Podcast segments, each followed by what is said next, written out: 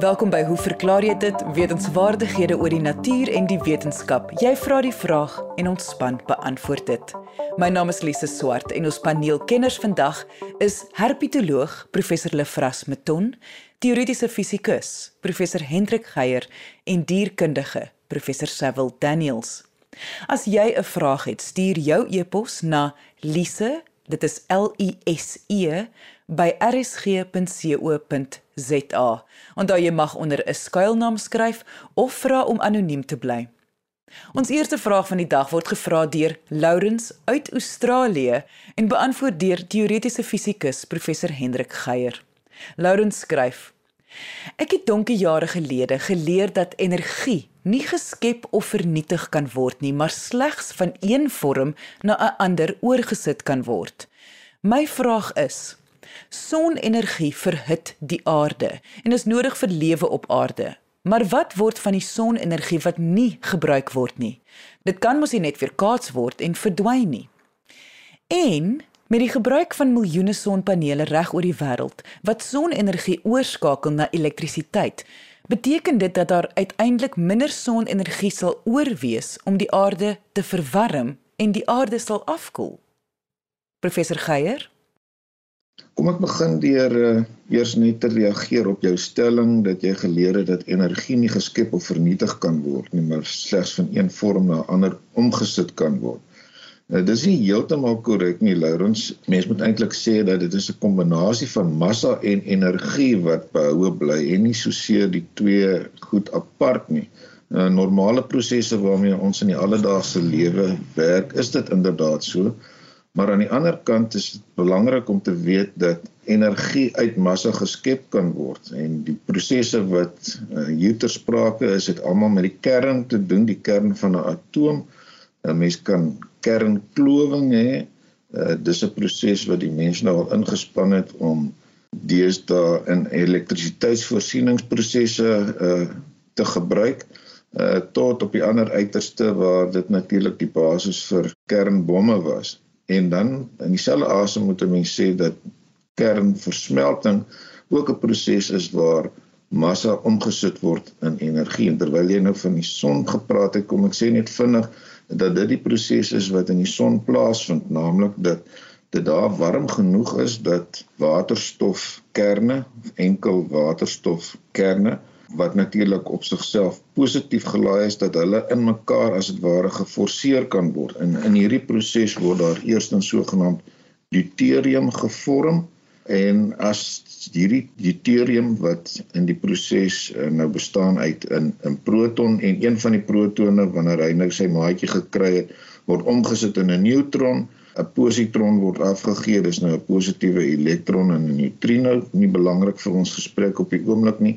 Uh, maar as nog 'n 'n waterstofkern by hierdie twee aansluit, uh, weer eens aan mekaar geforseer omdat dit so warm is en die goed so vinnig beweeg, dan kry ons 'n uh, 3 heliumkern. En as twee van hulle nou by mekaar kom, kry ons 'n uh, helium 4 kern en twee los waterstowwe. En daai helium 4 kern se massa is 0.7% minder as die vier los uh waterstofkerne waarmee ons begin het. Nou as jy vier tennisballe op 'n skaal sit, dan sal jy verwag dat dit nou nie saak maak of hulle daar los lê of op hoopie lê nie, maar dit is nie soos dit werk in 'n kern nie.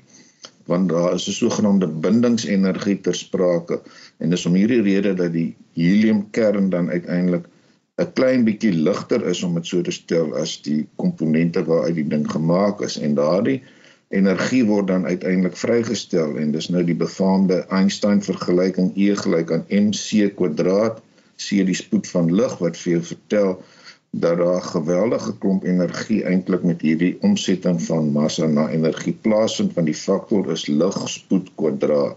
Nou jou vraag gaan nou nie oor hoe energie vrygestel word of waar die energie vandaan kom nie. Kom ek stel dit so, jy sou goedskiks kon vra hoekom word die aarde nie sommer net warm nie want dit word net dag na dag uh, onderwerp aan aan aan die strale van die son. Uh, dit dra hitte aan die aarde oor. Nou hoekom word die aarde nie net die hele tyd warm warmer nie?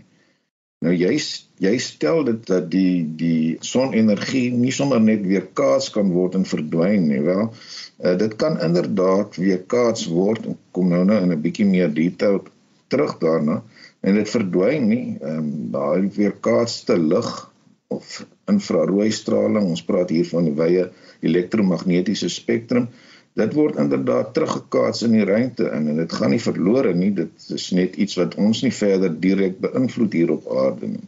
Maar kom ons ontleed net so klein bietjie wat gebeur met die uh, sonstrale wat die aarde tref.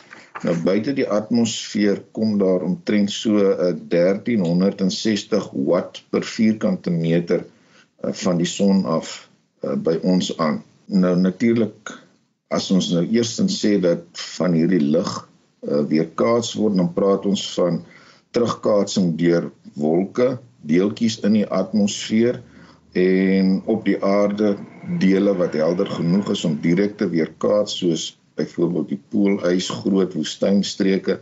Uh waarnemings deesdae deur satelliete dui daarop dat omtrent 29% van die sonenergie word direk teruggekaats op hierdie manier En dit beteken dat uh, as 'n mens nou die gemiddelde hoeveelheid energie wat die aarde bereik uiteindelik vanaf die son uh, gaan analiseer, kom jy by omtrent so iets soos 340 watt per vierkante meter.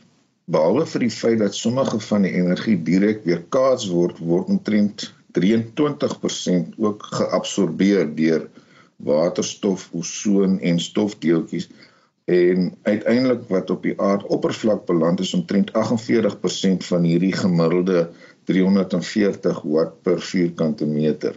Nou, dit is uiteindelik so dat van daai 48% wat geabsorbeer word, word weer 48% afgegee want vir alle praktiese doeleindes oor 'n lang tyd in die aarde se geskiedenis het ons 'n ewewig situasie bereik. Hoekom? Want en dit is nogal belangrik as 'n mens kyk na die na die mate waartoe op iets wat warmer word ook weer straal dan hang dit af van die temperatuur tot die 4de mag. So dit beteken as jy iets het wat jy warm gemaak het en jy kan voel hy's warm sonder om hom te vat want daar's infrarooi straling dan as jy daai temperatuur sou verdubbel, beteken dit daar gaan 16 meer 16 keer meer energie vrygestel word. So dit speel 'n baie belangrike rol in die sin dat as die gemiddelde temperatuur sien maar op die aardoppervlak klein bietjie styg, dan straal die aarde dien ooreenkomstig skielik heelwat meer energie uit en op hierdie manier word daar uiteindelik 'n balans uh, gehandhaaf. So van daai 48% wat op die aardoppervlak aankom en wat weer teruggegee word as dit ware gaan omtrent 25% in in verdamping van vloeistof 5% omtrent in konveksie en 18% is infrarooi of of warmte wat uitgestraal word. En elkeen van hierdie elemente speel natuurlik 'n rol daarin om van die aarde as dit ware een groot hitte masjien te maak uh, wat die weerspatrone in stand hou. Warmte word tipies deurlopend van die poolstreke waar daar meer warmte afgegee word. Onthou die aarde is rond, dit wil sê die hoeveelheid energie per oppervlak of die hoeveelheid straling per oppervlak wat die aarde tref is meer by die by die uh, ewenaar as by die pole. En om hierdie rede is het die aarde 'n stelsel ontwikkel deur die weerspatrone wat eintlik hierdie hitte uh, hersirkuleer of herversprei. So uh, Lawrence Kortom, die hoeveelheid energie wat die aarde bereik, word nie net opgegaar nie, daar is 'n 'n balansproses wat aan die gang is en die balans word nou oor 'n lang tydperk gehandhaaf. Wat ons wel weet is dat in die afgelope tyd en 'n mens lees hier syfers soos uh, van 1880 tot 1980 het die gemiddelde temperatuur op die aardoppervlak en dit word dikwels aangehaal as omtrent 14 tot 15 grade Celsius.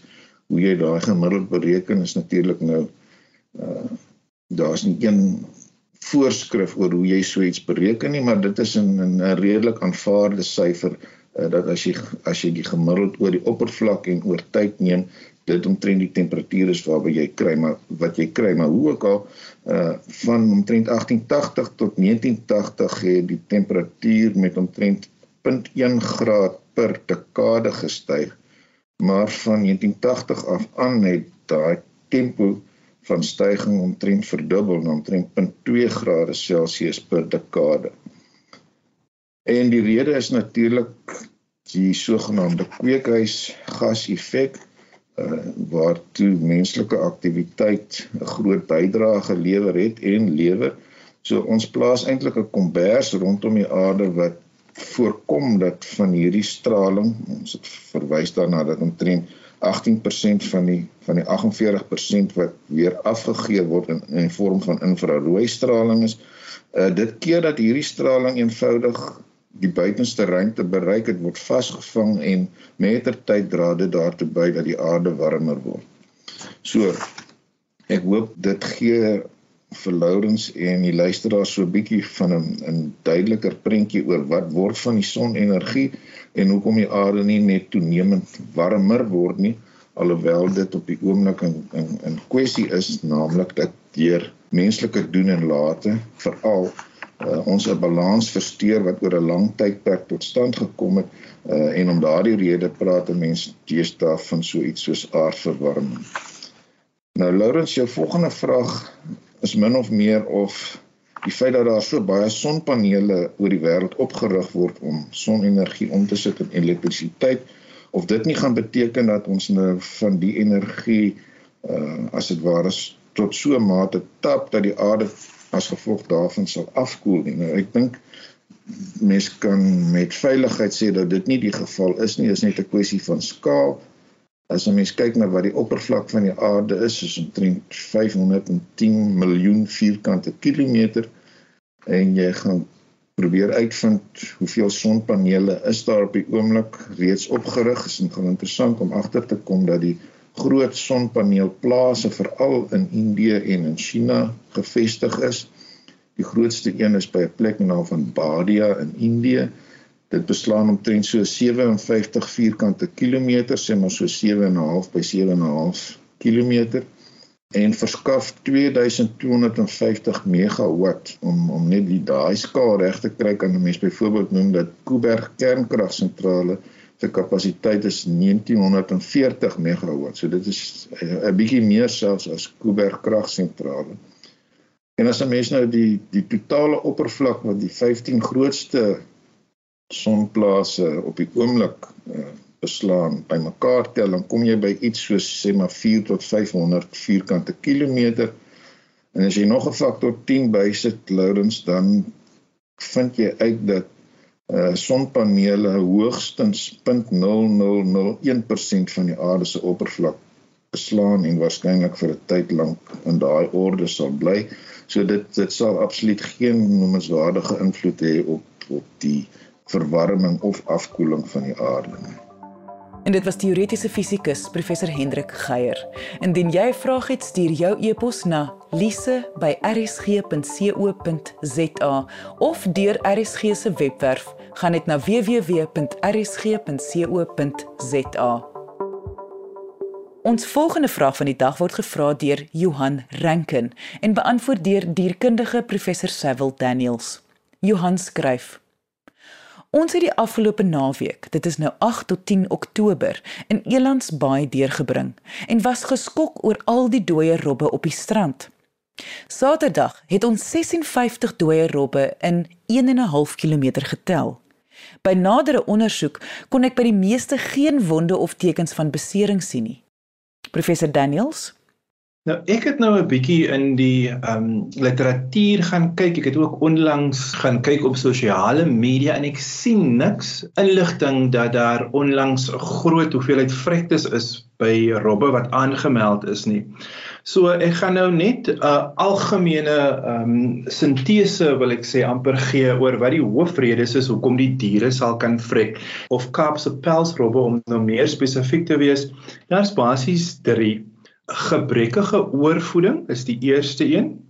Ehm um, op gebrekkige voeding liewer, met ander woorde ondervoeding en dit het gewoonlik te doen met die feit dat ons visbronne oorbevis word. So met ander woorde, die vissermanne of die groot kommersiële bote is tot 'n mate amper in direkte kompetisie met die marine lewe en omdat hulle uiteraard tegnologie gebruik, kan hulle baie makliker groot hoeveelhede van die vis uit die oseaan uitneem.